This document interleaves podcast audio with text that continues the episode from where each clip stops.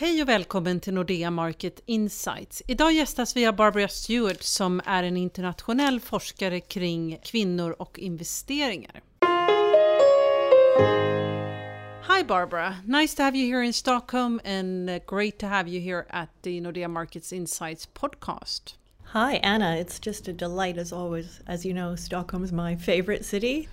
Can you tell our listeners a little bit about yourself and your interest in the topic women and investments? Sure, I've been in the investment industry now for 25 years in August. I can hardly believe it, it's flown by. I started in a trading room trading currency in 1991. Did that for about five years, and after yelling and screaming for too long, I decided I'd move to a more civilized profession in the private client wealth management field and this will be my 20th year. 10 years with Cumberland Private Wealth Management, where I'm a partner now. Um, simultaneously, I developed an incredible interest in the area of women and finance. So, as well as being a portfolio manager, I now wear two hats, and I'm also a researcher. And this came about uh, in the financial crisis, 2008 9. I was feeling kind of down, as were most of my colleagues and unfortunately most of my clients, because as you know, globally, nobody was in a very good mood when it came to investing around that time. So um, I started reading just to amuse myself, and I started reading everything I could find on the topic of women and money. And it was quite interesting and actually uh, upsetting because I found that 99% of what I read, whether it was on bank websites or whether it was from research houses around the world, the messages were all quite negative.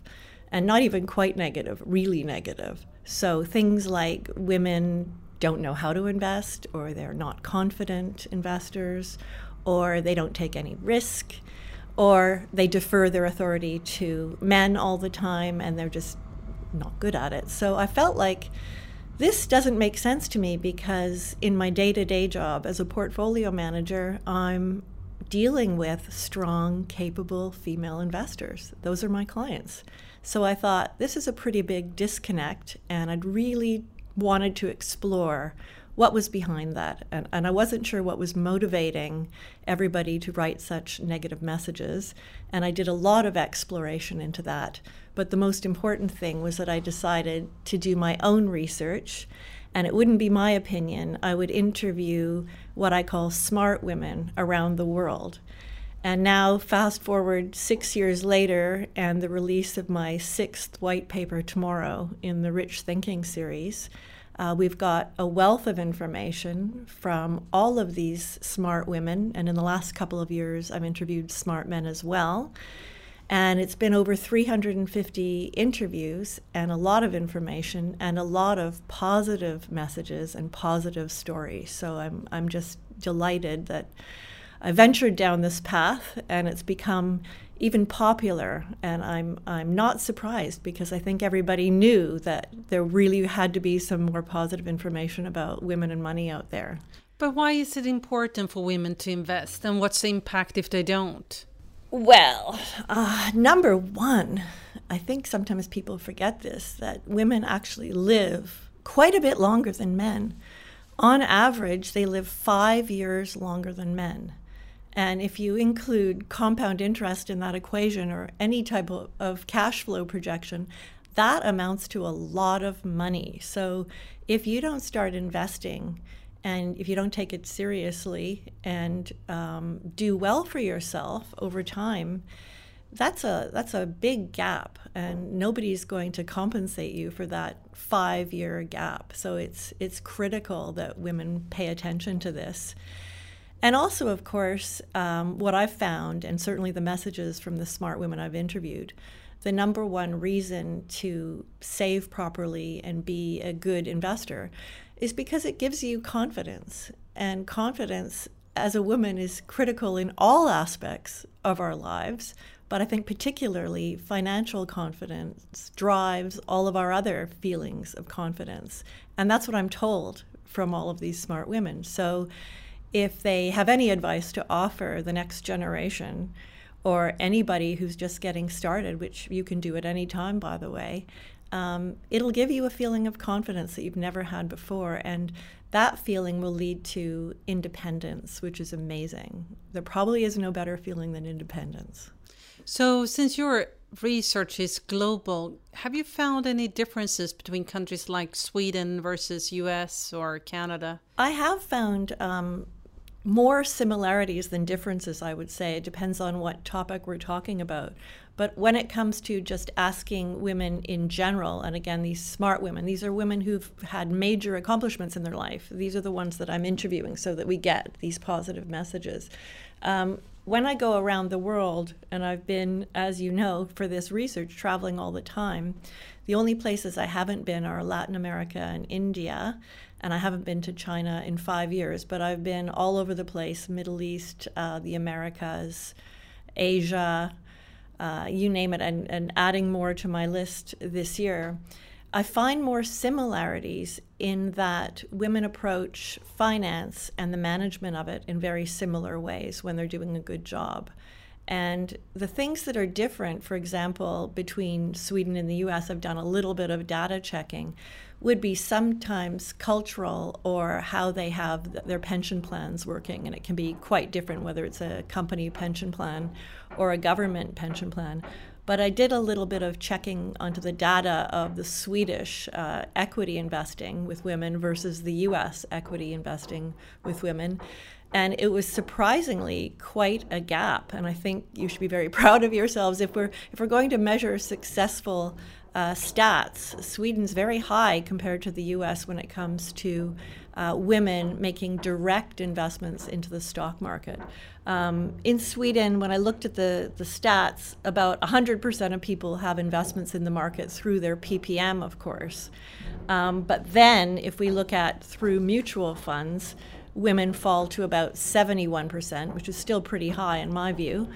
But then individual stock investing in Sweden is as high as 21%.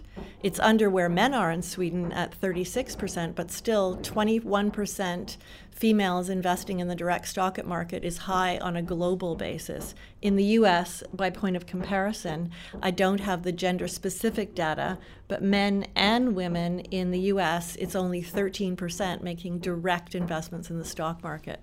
So I would argue probably the, the women equivalent would be even under 13% in the US. So do I think, think that's interesting. Do you think that the fact that women are actually graduating from universities, there are more women than men actually.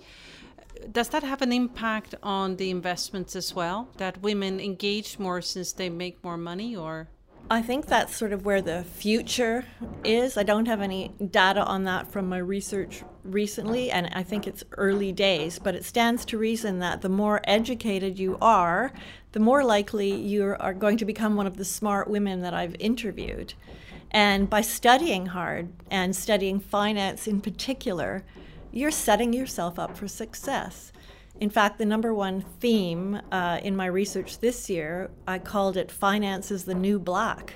And I called it that for a reason. From all the research I did, it turns out that financial knowledge allows women to work in, in the areas that are meaningful to them, which is so important to women.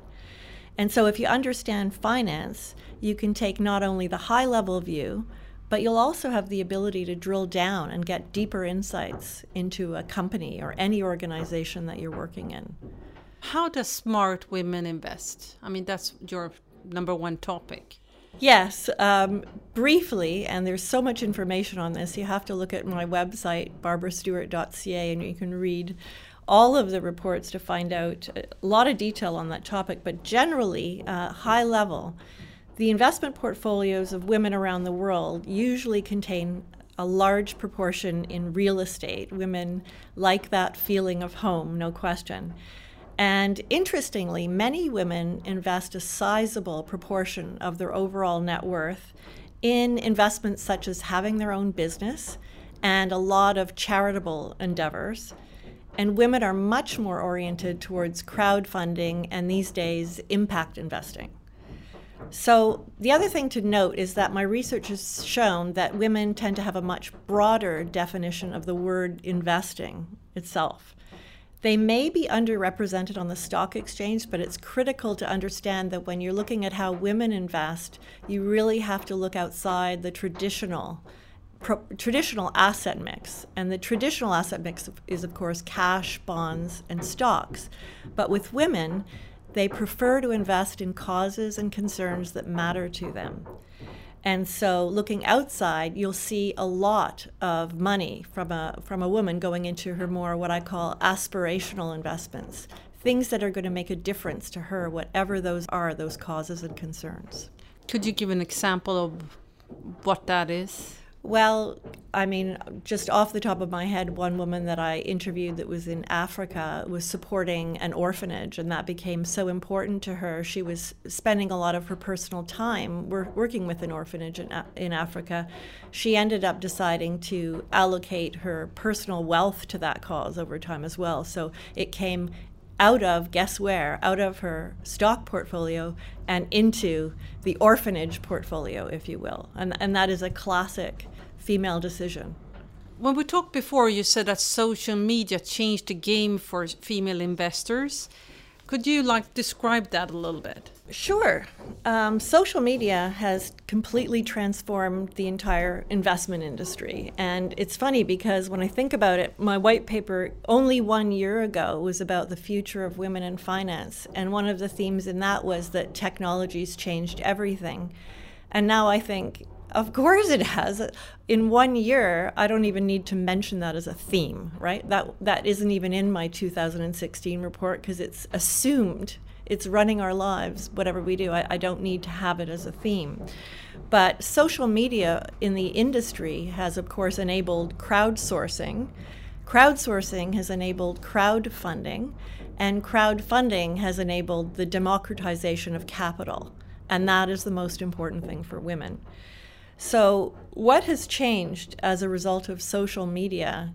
Broad categories. Number one, how we inform ourselves about investment opportunities in the first place.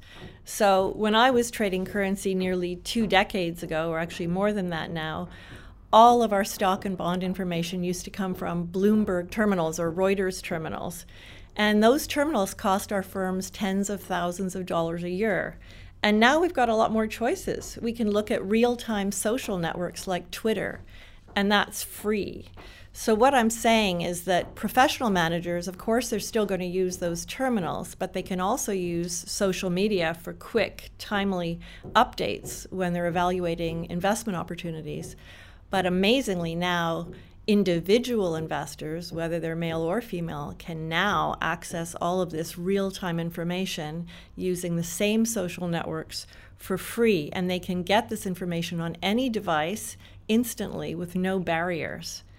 And remember those um, earnings press releases that used to come out over the wire? Well, they seem to have gone away completely. They've just vanished because everyone, again, has immediate access to corporate news by looking at Twitter and even company Facebook pages. So nobody really used to argue with these press releases they were that were coming out. They were just static information, and now people can talk back to them. They can comment, they can analyze them, they can retweet them. So this is much more kind of live information, which makes it exciting. And for women who like to multitask and they like to consume information in bite-sized pieces, social media is just amazing. Can you can use it all day long, whatever you're doing, walking the dog, shopping. So, so what do you think is needed in order to get more women engaged in investments? Well, I think the onus is on the industry. If I had to put one kind of big ask, it is that the financial industry needs to do a way, way better job of encouraging women to invest. As one of the men I interviewed this year told me, women have been fine all along. They actually haven't been doing anything wrong in and of themselves as a gender. Uh, the industry hasn't made it very easy or hasn't really encouraged them to invest. So, what does that mean? That means the industry needs to talk to women in their own language and make it interesting. More stories, less numbers, and always remember that women invest in causes and concerns that matter to them.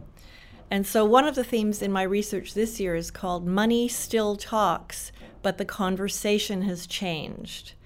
And as we just said, women love to share on social media. In fact, 55 to 60% of Facebook users are women.